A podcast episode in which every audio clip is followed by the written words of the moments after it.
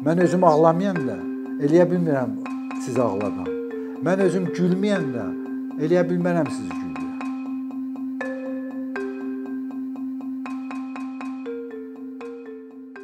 Demək olar 9-10 yaşından yadımdadır.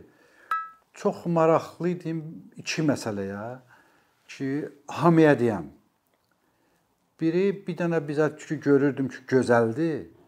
Hər nə olurdu, ya insan idi, ya bəlkə bir stuludur, ya dağıdır, ya ağacıdır, gül idi. Onu görəndə ürəyim elə titrirdi ki, istəyirdim hamıya göstərəm. Qaçırdım hamıya ki, gəl gör nə gözəl bizə. Amma da görürsüz və görüblər, tanıyırlar, deyirlər, yaxşıdır, gözəldir, bilirik. Amma mənə çox gözəl gəlirdi. İstəyirdim ki, bunlar da ev elə ona baxsınlar. Bir bu idi. Bir də ə, social injustice. Küçələrdə görürdüm yoxsuz adamlardı, ayaqqabısı uşaqlardı. Onları görəndə ürəyim patlayırdı ki, necə olar ki, bu cür adam yaşasın, amma hamı öz evində olsun bu necə? Onu gedib insanlara deyirdim, gəlin baxın görün burada bir nəfər vardı, məsələn, ə, uşaq gördüm, büyüm ayaqqabısı yoxdur, ya belə qadın gördüm, dilencidir, pul istəyir. Bu niyə bulatdı? Bunları söhbət edirdim. Bu iki dənə məsələni mən neçə il elə istəyirdim hamıya deyəm, amma görürdüm ki, deyəndə bizə elə bir ki, bunlara əsər qoymur. Mən ona görə o vaxtdan fikir etdim, 11 yaşında idim bəlkə. Dedim bəlkə mən sözümü deyə bilmirəm.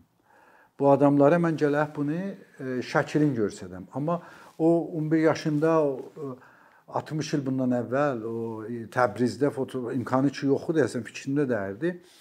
Dedim rəssamlığı bəlkə rəssam çəkəm. 2 il mən başladım rəssamçılığa. Bir yol çəkirdim. Gəlib ki, böyüklərə göstərirdim. Dedim bax gör nə gözəl. Məsələn güldür. Baxır dedi bu nə güldür. Gül görmürəm burada axı. ya dedim bax bu oğlan görür evan üzü qoyma yaşlıdır ya məsələn ağlayır ya ayaqqabısı yoxdur belə. Bunlar da baxırdılar, hansı oğlan, hansı ayaqqabı? Hardadır ayaqqabı? Belə dönərlər. 2 il mən gördüm ki, mənim işimdə çəkə bilməyəcəm. Yəni rəssamçılıqla mən sözümü yetirə bilməyəcəm. Evimizdə a, a, atamın bir belə o zaman yeni çıxmışdı. Box belə qutu kimi foto kameraları var idi. Çox az evlərdə olardı. O mənim ağam çox xoş idi ki, bunu götürsün özü ilə. Biz həftə axırı, həftə sonu bir yerə gedəndə, park piknikə zədə gedəndə foto çəksin. Amma mən onu xoşlamazdım uşaqlıqdan. Niyə xoşlamazdım? Çünki foto çəkəndə biz gəlib durayırdıq gün qabağında. Günəş, günəş vururdu da belə. Bizim atam deyərdi, durun da günəş qabağında mənə baxın. Biz də baxanda günəş gözümüzü vurardı. Hey deyərdik, yenə də bu gəldi. Biz bilmirdik da nə.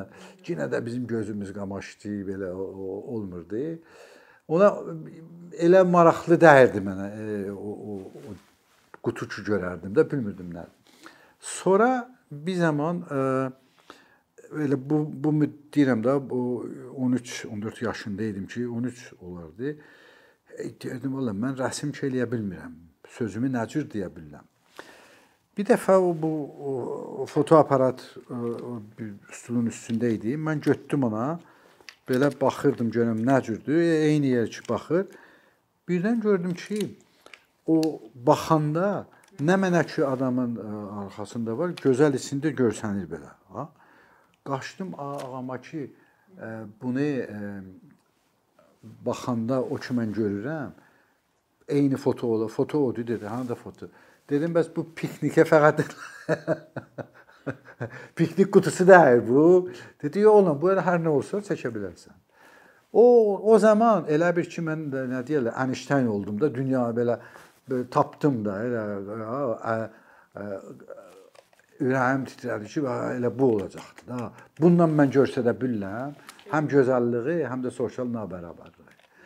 Onu götürdüm, dedim mən foto çəkə bilirəm.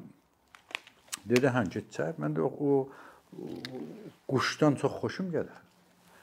Getdim ağacda həyətimizdə bir ağac var. Gördüm o gözlətdim, yatdım bir quş gəlsin. Deyim quş çəkəcəm. Quş da gəldi. Mən də getmişəm, təzə də bilmirəm bunu nə cür ə, işlədirlər.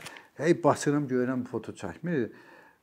Bunu o bir nə deyirlər, bir manivel var idi. Bunu gələ möhkəm verəydiniz ki, hazırlaşsın. Amma onu vuranda bətər çırıq çırıq səs edirdi. Ta mən onu hazırlayam, quş getdi. O fotonu ki mən çəkdim, hə ağac qalmışdı. Birinci foto.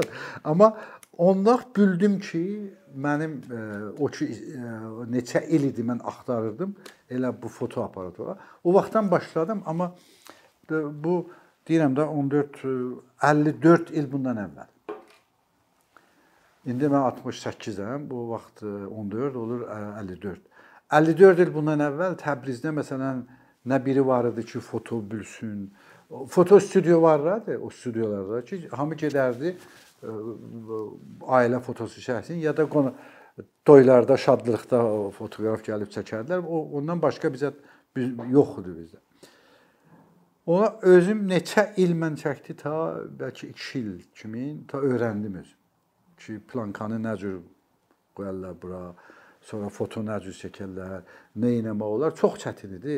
E, belə yadımdadır gecələr ilə yatmazdım mən ki, bunu axtaram, tapam, bu nə cür işlənir.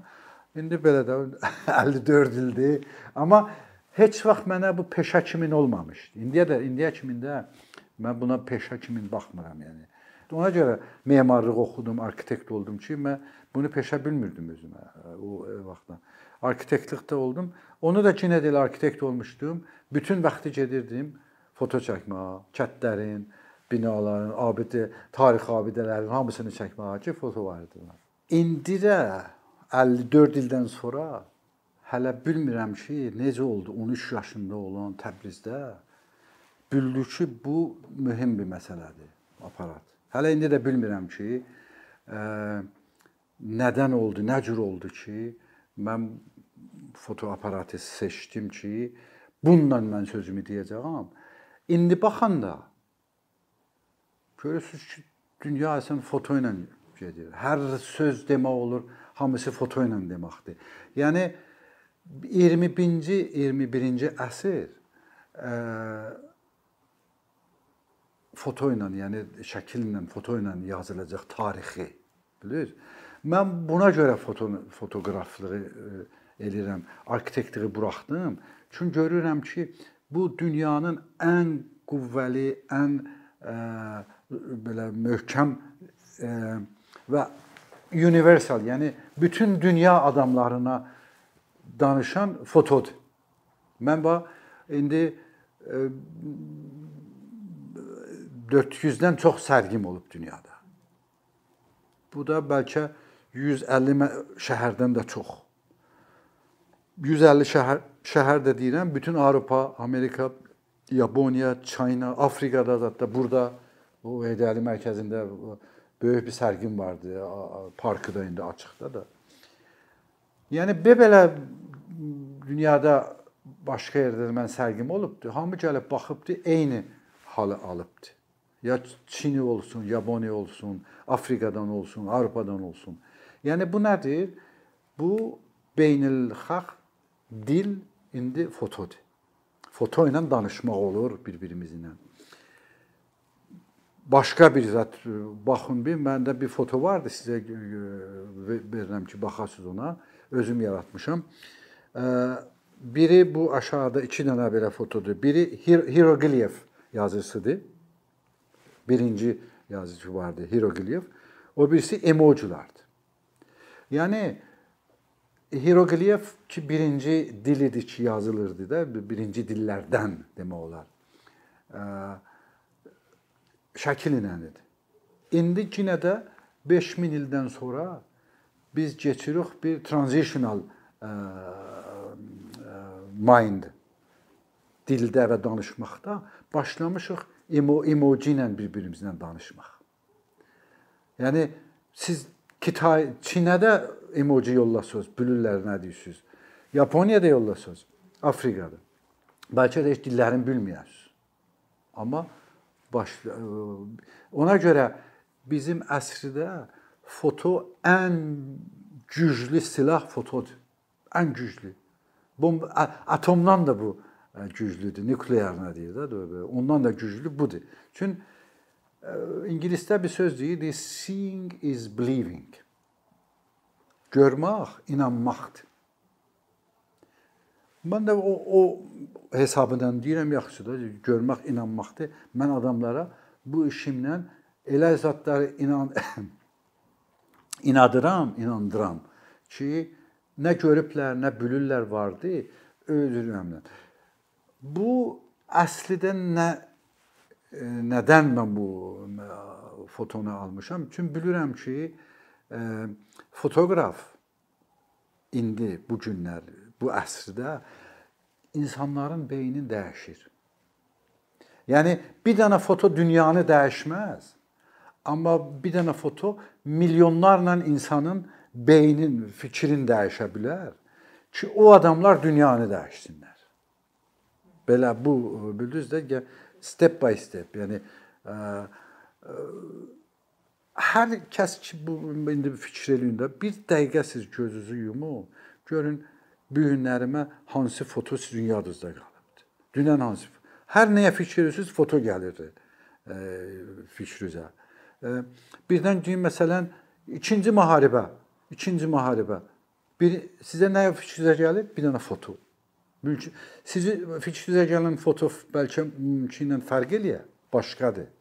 Amma foto fikrimizə gəlir.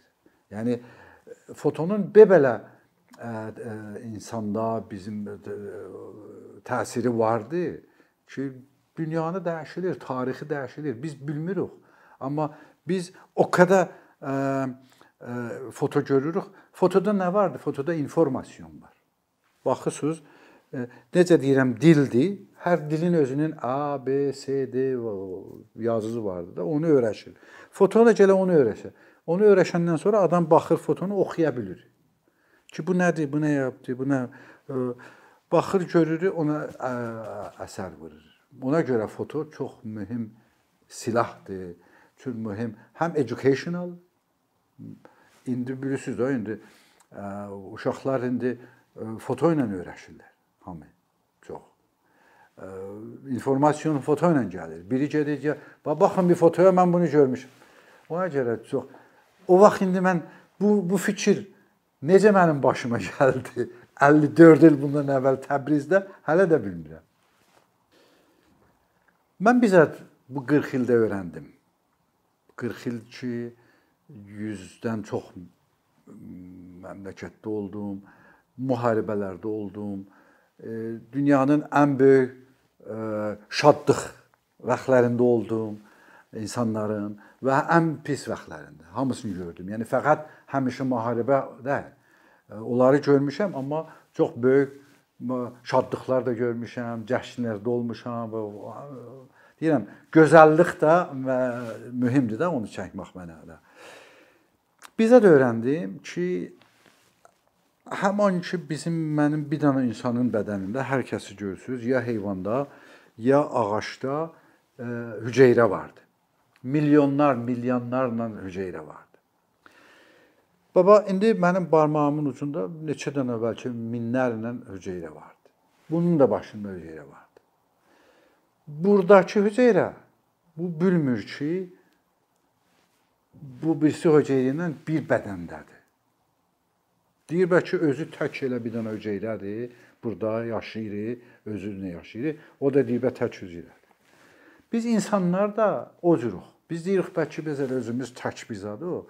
Biz amma bilmirik ki, biz hamımız e, biz insanlardır, heyvanlardır, ağaclardır, nə mənə vardı.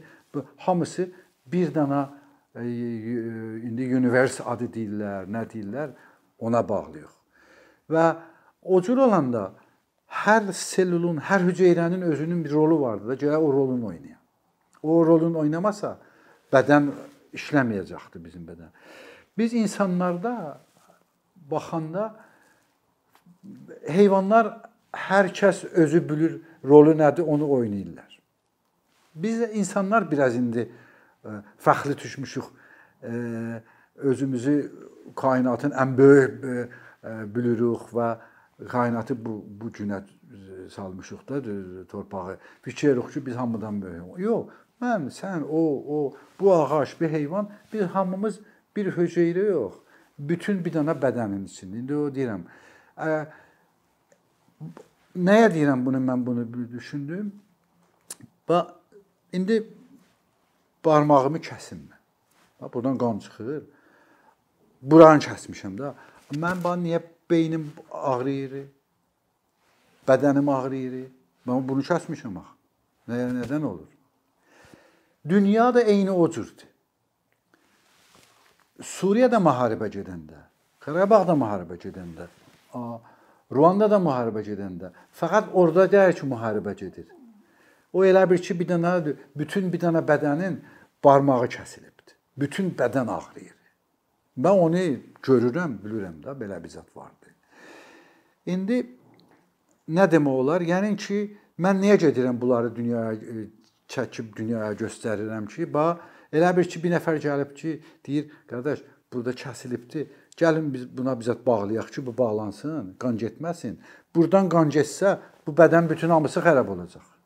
Belə deyir. Fəqət e, biri deyir, "Bu burada bu barmağından qan gedir, eybi yox, qoy getsin." Oğlum, barmaqdan qan getsə bütün bədəndən gedir. Biz bunu bilirik. Kainatda bilmirik ki, eyni məsələ kainatda vardı. Biz bir dənə ağacı kəsəndə niyə bu Amerikanın o Native American e, nə deyirlər, o ə, e, əski Amerikalılar yaşayanlar da bu ə, Bunlar bir dənə ağacı kəsməmişdən əvvəl 3 gün gedib ona e, nə deyirlər, dua elərlər. İcazə alarlar ki, biz istəyirik sizi kəsə. Buna görə kəsə gələ lazımdır deyirlər ağaca. Ki biz sabah gələ 2 gündən sonra sizi gələk kəsək burdan. Çünki buna buna buna buna lazımdır kəsmək və özü gələrlər gecə axşam 3 gün buna bunlar dua exiyərlər, icazə alırlar, sonra kəsərlər. Çünki o o bilir ki, o ağac elə bir mənim barmağımdır. Biz amma bilmirik. Biz hələ ə, yəni biz deyəndə, yəni çox adamlar bilmirlər ki, belə bir zət vardır. Biz hamımız bir-birimizə e, vəslidik, bir-birimizə bağlıyıq. İndi biri vardı, bunu din adına deyir, biri vardı başqa bir ada deyir. Kainatda amma mən hüceyrə deyirəm də belə hər kəs bir öz deyirik biz belə bir. Ona görə mən bu işləri görürəm ki, çünki bilirəm ə, Afrikada müharibə gedəndə fəqət orada getmir. O müharibənin Avropada da, Asiyanı da, Amerikada insanları yaşanı bir tə, ürəyini tərpədir zindəcanlıqlarına təsir edir. O olmasa elə bir ki, bir adamın barmağı kəsi ol dəyər. Fəqət Afrikada. Suriyada müharibə getmir, deyirəm Afqanistanda. O elə bir ki, bir dənə bədənin bir qolun kəssin. Onu o fəqət gələ insanlar bir zaman ki bildilər ki, biz özümüz tək deyirik, biz hamıya bir-birimizə bağlıyıq. Onda dünya başqa bir olar. Əlbəttə deyirəm, burada çox ziyalı insanlar, yazıcılar, şairlər bu məsələni çox e, ölkələrdə deyiblər. Oxuyanda görür ki, başqa da çox əskidən də ola insanlar olubdu ki, bu məsələni dəqiqləşib biliblər ki, biz hamımız bir-birinə bağlıyıq. Birinə bizə dolanda o birisi də hə, narahat olacaqdı.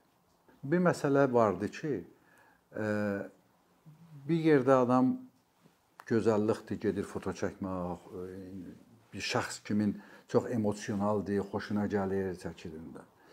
Bir də vardı professional kimi olur. Bu iki nəfər biri düzdür bir nəfərdədirlər. İkisi də. Reza Təbrizdən, uşaqlıqdan ana dili Azərbaycanlı, mahnıları öyrəşib, belə bülbülün səsi ilə böyüyüb. O təbiidir, mən orada Qarabağda olanda, Şuşada olanda bunlar hamısı mənə titrədirlər. Amma professional kimin foto istəyirəm çəkəm, dünyaya göstərəm ki, nə oldu burada, nə xəbər oldu, o başqa bir məsələdir.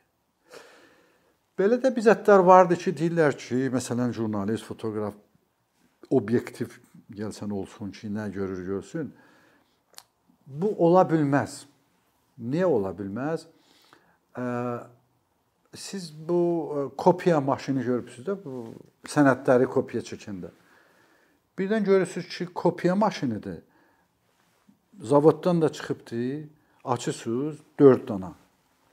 Eyni sənədi bu 3-4 dana e, kopya çəkəndə görürsüz 4 cür fərqli-fərqli kopya çıxardırlar. Yəni maşın bir dənə sənədi də e, fərqli çıxardır. Biri ağ olur, biri qərə olur, biri biraz da olur. Necə olar ki, bir insan ki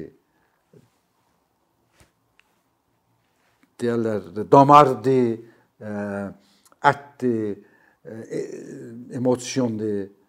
Bu bir məsələni görsün və o on barədə ürəyi tərpənməsin. O imkanı yoxdur. Ona görə o zətlər ki biz görürük, çəkirik, bizim filtrimizdən keçirik. Biz skaner dəyirik da, skaner ki, maşın dəyirik ki, robot gedə zız bız zız. Yox, biz gəlirik bir yazıcı kimi. Bir yazıcı cibində qələmi gəlir, baxır bura, oturar birdən, fikrə gedər və öyrəşər. Sonra qələmi götürüb bizzət yaza bilər. Ya şair yaza bilər. Bir də bu işdə eyni o cürdür. Yəni ə, əvvəl gələ özü insan özü ə, emosionu olsun.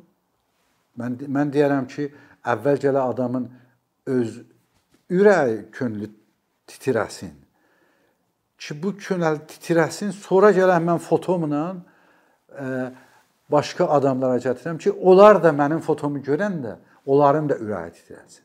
Mənim öz ürəyim titrəməsə, eləyə bilməzdim ki, mən fotomla başqa adamların ürəklərini titrəm. Belədir də, yəni emosion verəm dəqiqən. Belə. Ona ona görə e, çox dərin məsələdir bu obyektiv olmaq və e, öz torpağından, öz millətindən foto çəkmək, başqa adamdan çəkmək. Mənim yolum dedim də mən əslində zülm və ədalət və bunlar mənə məsələdir. 30 ildir də burada mən görmüşəm ki, Azərbaycanlılara zülm olubdu. Olmuşdu. 30 il. Mən belə görmüşdüm. Görüm. Tarixdə də oxuyanda məndən əvvəl görürdüm ki, o vaxtlarda da yenə də elə çox zülm olub. 100 ildir, neçə ildir. Bunları e, soyqırım elirlər, gəlirlər, vururlar, gedirlər. Heç kəs də dünyada da heç kəs qəbul eləmir. Ki belə bizə də olubdu. Ya hətta nə qəbul eləmir ki, heç elə çörüblər ki, informasionu ki, elə bir ki, bunlar o işi görüblər. Bu məsələ məni indi çox e, narahat edirdi. Ə, fikrimdə idi ki, Necə olar ki, dünya bölsün ki, burada bir zülm olur. Burada soyqırım olur. Ona bu bu bu çox mühüm məsələ idi ki, məni 30 ildir burada elə daim gəlirəm, göstərirəm. Çox çətinliklə, çox ə, bilirsiniz də məsələn Qara yanvarda ə, 1990-da bura hələ Sovet idi. KGB idi, ha, o vaxt Fransadan mən gəlsəm tarix boyunda belə bizə də olmayıbdı. Yəni Hollywoodda da ssenari yazsalar elə bir fikri gəlməz ki, bir fotoqraf ə, Sovet vaxtı Parisdən gələ Bakıya gedə Qara yanvarın bütün faciəsinin fotolarını Morquda, Balnissada da hamısını çəkə, yenə də gəlib çıxıb gedə Parisə dünyaya çatdıra.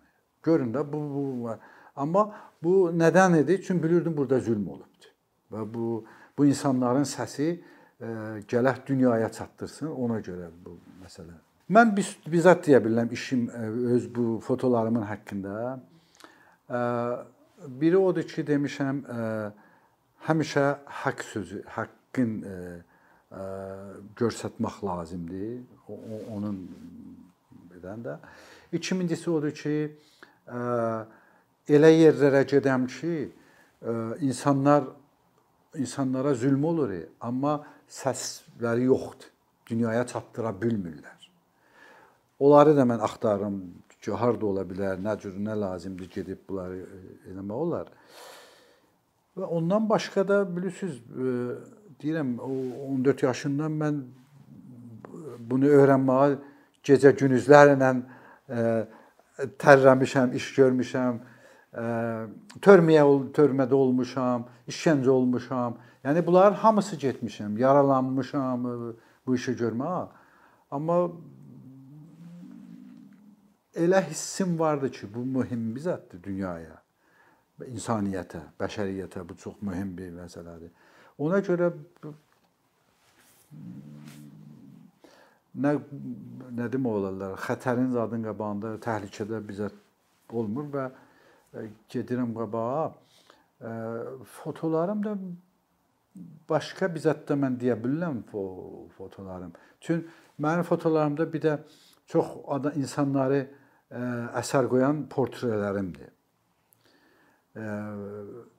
Çünki əslində mən belə fikr edirəm ki, insanın gözləri ə, qapıdır bunun ruhuna görə. Ya pəncərədir ya, ya qapı. O onu insanın ruhusunun pəncərəsi gözləridir. Hər he, heç vaxt adam gözləri ilə bizadı dəyişə bilməz. Başqa söz deyə bilməz, yalan deyə bilməz, gözdə görüşür. Amma o pəncərəni açmağa ki, mən eləyə biləm bu foto çəkəm ki, bu insan kimdir? Bunun ruhunu göstərməyə də bir vardı portret dedim belə ə, Amerikalılar deyir say cheese, hamı belə baxır. O o portret deyil, o insanın portresi deyil. O insanın ruhu orada yoxdur. Maskıdır belə qayıtdı. Hamı eynidir. Ona ona çatmağa mən indi illər iləndir öyrənmişəm ki, insanlarla ə, e, nə irtibatım olsun, nə cür söhbətim olsun, ə, e, nə cür görüşüm olsun ki, o adam ruhunun pəncərəsini açsın. Bildiniz? Açanda onda bu hazır həmişə mənim yanımda. Belə çəkmə olur. Çox portretlərim də eyni o cür olubdu. Yəni e, foto sessiyada olmayıbdı. Oturmuram, söhbət edirəm, fotoda yanımda. Birdən görürəm ki, bu adam elə haldadır ki, elə bilinən bir portret çəkəm, bir dənə çəkirəm, qutardı getdi. Çox portretlərim ki, vardı dünyada məruf, məşhur, bir dənə çəkmişəm. E, özü də fotosessiya zət dəyirmiş. Elə belə söhbətdə yolda gedəndə belə özü də oldu. Birinci dəfə e, az dedim mən qara yanvarı e, gəldim burada çəkdim. Ondan sonra bir gün Parisdə idim 92-də. Biri xəbər verdi mənə ki, Reza eşitdin Qarabağda nə olubdu? Dedim, yox, təzəlikdə bilmirəmdi. Elə bir 27 fevral idi, ya 28, 27, 28. Nə nə olubdu?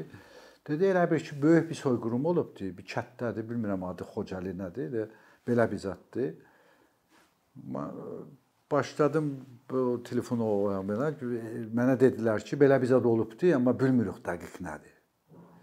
O dedim mən gedim də indi oradan yenə də 92-də e, fevralın axırında Parisdən e, e, Bakıya, Bakıdan da Ağdam tərəfinə o, o vaxtda müharibə gedirdi. Çox çətin idi. Bu yolları getməyə, ə, rədd olmağa da jurnalist olaydın, hər kəs olaydın, çox-çox çətindir getmək. Amma e, getdim özü də e, Fransadan böyük bir kamyon e, darman gətirmişdik. Yəni e, bu Fransa döktürləri ilə zadından o o ətlə getdik. Ağdama ki çatdıq, orada mən gördüm ki neçə yüz adam yığılmışıblar e, Ağdam məscidinin arxasında və bunlar hamısı Xocalıdan qaçmışdılar ki, yığılmışlar hamısı hər gün ora yığılırdılar ki, xəbər alsınlar kim aldı, kim qaldı, kim qalmadı. Birinin atası yox idi, birinin bacısı yox idi, birinin qardaşı yox idi.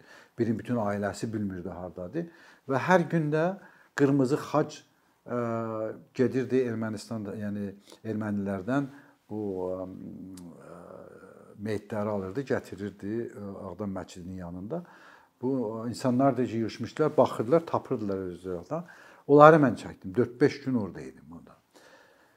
Heç kəs də bilmir dünyada belə bir zad olubdu da, ha, xəbər yoxdur belə. Amma çün orada idim və müharibə gedirdi. Mən də Parisə dönmədim. Getdim yolumu Füzuliyə, Cəbrayiliyə, Zəngəlana, Laçinə ta Şuşaya kimi. 92-də, mart ayında. Bir ay bütün elə bu yolları mən gedirəm, foto çəkirəm hamısında. Orada Şuşaya gələndə Şuşa bütün bağlıdır. Mühasirə idi. Maşın yolu zadı kəsilmişdi. Getmək olmurdu maşının zadından. Gələk dağla çıxıydılar. Bu da mən üçün Əfqan dağlarında müharibədə çox foto çəkmək olmuşam. Öyrənmişdim ki, dağlarla nə cür olub. Özüm Şuşaya getdim. Orada da Şuşanın axır son ə, həftələri idi, son günləri idi də. O foto çəkdim. Sonra yenə də dağdan çıxdım və Bakıya getdim və Fransaya getdim. Xocalı və bu müharibənin ə, fotoların dünyaya ə, ə, çatdıra bildim. O bu Qarabağ müharibəsi idi. Bu ondan sonra deyirəm, bütün dünyada mən neçə dənə sərgi qoydum Qarabağ haqqında, Xocalı haqqında, kitablarımı yazdım. Yəni o vaxtdan mən davam aparıram dünyada belə bir zətləri dünyaya göstərirəm ki, belə bir zət olubdu. İkinci müharibədəki başlandı. Mən gəldim e, neçə gün müharibədən sonra e, neçə 2-3 həftədən. Və o vaxtdan indiyə kimi əskərlərlə bərabər, yəni əskərlər gedirdi, mən onlarla nə qədər yeri tuturdular, mən onların arxasından foto çəkməyə gedirdim. Müharibə idi ya azad olunmuşdu. İndi də o azad olmuş Qarabağı mən çəkirəm də bütün orada. Demək olar ki, bu 40 il ki mən bir belə müharibə görmüşəm dünyada. Bu cür vəhşiyyət mən görməmişdim ki, sistematik fikrinlə bir ə, millətin istəyələr bütün əsərin aradan aparırlar. Evlərin, kətlərin, şəhərdə nə var, nə mənə vardı, hamısını dağıdıblar. Ta qəbirstanlığa kimi bunlar dağıdıblar hətta, qəbirstanlığa kimi. Və o məni çox təsir elədi ki, görün bu nə qədər zülm olubdu bu insanlara. Çünki bu arada 92 ilə indiyə kimi mən çox məcburi qaçqın qaçqınlarla da ə, olmuşam, onlarla bir yerdə olmuşam, işlərinə, köməklərinə, ə, fotolarına, onlarla çox olmuşam. Ə, deyirəm də dünya bunu bilmir.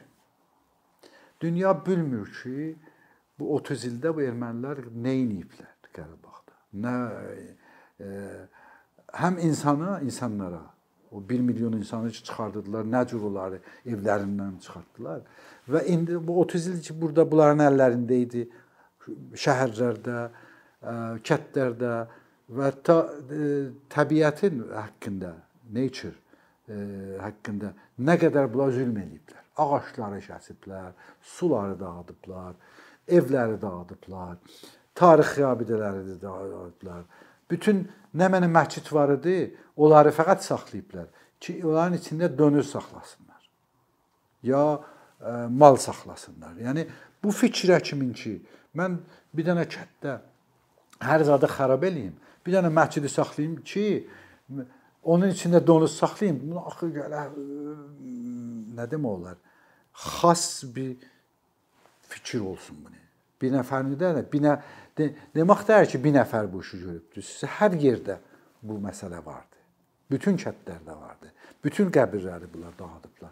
Bu indi o o ki mən görürəm Qarabağda ki, dünya az görübdür. Mən başlamışam az-az görübsüz mənim sosial mediada bunları yayıram yavaş-yavaş, az-az. Amma çox material belə bir il gedə bilər material ki, görsənsin burada Qarabağda nə cür bunlar dağıdıblar hər zadı. Müharibələrdə ya o, başqa yerlərdə ki, e, insanları çox belə narahatçılıq olur. E, ölümdür, yaralıdılar.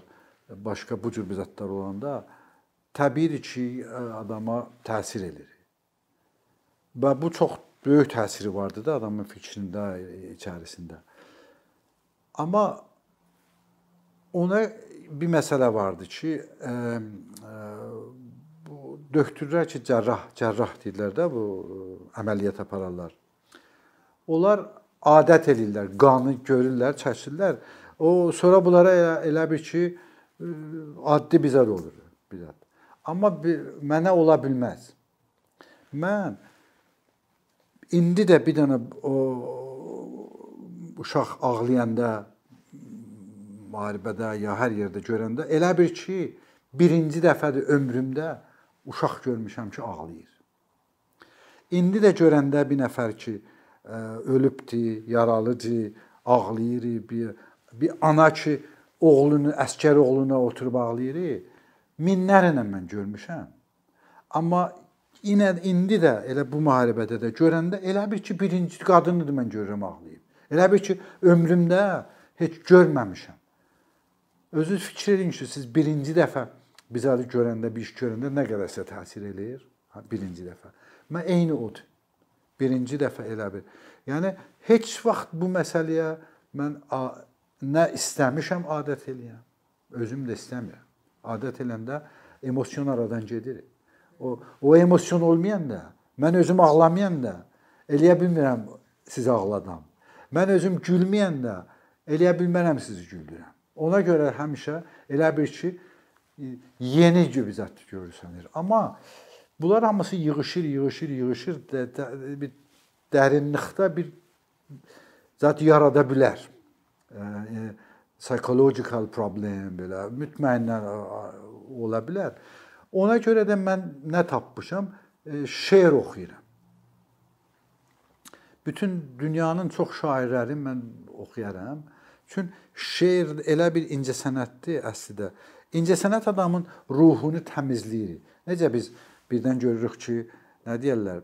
Ə, məsələn bir su vardı, ə, qalıbdı ya xarab olubdu ya çirkindir. Onu gəlirik bir dənə parçadan keçiririk, təmiz olsun. İncəsənət insanın ruhunu bu cür filtr kimi təmizləyir. Ona görə incəsənət bizə nə qədər bizim insana yemək lazımdır, incəsənət də lazımdır. Müğənnilərə niyə bizə xeyirəndə ürəyimiz titrəyir? Hamısına yox ha, bəzisinə də belə deyim. Ya ə, e, gedirik muzeylərdə e, baxırıq birdən görürsüz ki, elə bizə əsər görür adam ki, adam belə bilmir nə oldu, tərcih adam belə var. Bu incəsənətin əsəridir və ruhu təmizləməkdir. Mən də həm deyirəm incəsənətə başqa ə, e, ə, incəsənət adamlarının işlərinə baxmaq və şeir oxumaqlar mənə çox kömək edir ki, bir o psixoloji ki, bunlar yığışıblar hamısı bu dərdlərdə adamda e, bir bir cürünlə onu aradan getmirik. Amma e, demək olar ki, bir hala gəlirsiniz ki, you can live with it. Yəni e, yaşaya bilərsiniz ondan. Düzdür, içəridə qalır, amma yaşaya bilərsiniz. İndi Azərbaycan ə, tarixi bir böyük bir vərəqi taza yeni vərəq açılıbdı Azərbaycanda. Belə bu bu müharibə və bunun əsəri Azərbaycan tarixinə çox gözəl bir yeni səhifə açılıbdı. Ağdır indi. Bunu kim yazacaqdı? Gənclər yazacaqlar. 20-25-dən aşağı e, onlar yazmalıdılar. Bu bu yeni səhifələr ki açılıbdı. Və onlarda indi hər zət vardı imkanat. İnformasiya vardı, ə, təhsil eləyə bilirlər. Ə, nə mənə lazımdır onlara nə demək olar, tapırlar. Ə, ə, internetdə ə, kompüterləri, hər zət vardı əllərində gənclərin, demək olar. Və, və mən deyirəm hər zət vardı. Bilirəm ki, elə gənclər vardı ki, yoxlarıdır yoxsuz adamdılar, familləri yoxlarıdır, gələ işləyərlər belə. Amma böyük bir ə, ə, əksəriyyətdə deyəndə məsələn yüzdə neçəsi bu əllərində. Onlara indi gərək yazalar. Bunu da mən niyə deyirəm? Mən humanitarian işim özümün fondum vardı. Gənclərə foto öyrətməkdir. Hansı gənclərə? Müharibədən çıxan gənclərə. Ya qaçqınlar düşərgəsi dünyada onlarda mən klassım vardı, məktəbim vardı. Ya Avropada bu şəhərlərdən biraz arxada çox yoxsuz belə pul pulsuz insanlar yaşayırlar. Bütün Avropanın şəhərlərində vardı da ətrafında. Onlarda mən o çocuqlara, gənclərə foto e, öyrədirəm ki, öz e, nəqillərin, öz şəraitlərin göstərsinlər. Burada da indi mən istəyirəm ki, elə bir imkanım olsun ki, bir məktəb yaradım Azərbaycanda, foto məktəbi ki, e, həm professionallara, həm gənclərə bu dili öyrədəkdə bir dildir. Dünya dünya sizi fikir eləyin ki, əgər bizim gənclər mən indi bir nəfərəm, bu dili öyrənmişəm, dünyada belə təsir qoymuşam. Görün indi mən burada eləyə biləm minlərlə öyrədəm ki, onlar da bu cür işləri görsünlər. Görün Azərbaycanlılar sözlərini nə, nə cür dünyaya çatdıra bilərlər. Bildiniz? Ona görə deyirəm ki, mən indi də bilmirəm nə cür oldu ki, 54 il bundan əvvəl Təbrizdə bir dənə uşaq bilibdi ki, bu çox mühüm bir məsələdir. Foto, bunu gələ öyrənmək. Onu da hələ bilmirəm. Əkinçinin yeni videolar haqqında məlumatlı olmaq üçün kanalımıza abunə olmağı və xəbərdarlıq funksiyasını aktivləşdirməyi unutmayın. Bununla bərabər gördüyümüz işlərin davamlı olmasını istəyirsinizsə, bizim patronların sırasına qoşulmağınızı rica edirik. Əkinçinin Patreon icmasının üzvü olaraq siz bizim təşəbbüsə dəstək göstərməklə bərabər hazırladığımız materialları hər kəsdən öncə izləmə imkanı əldə edəcəksiniz. İmkandan istifadə edərək cari patronlarımıza işlərimizi davam etməyə yardım olduqları üçün dərin təşəkkürümüzü bildiririk.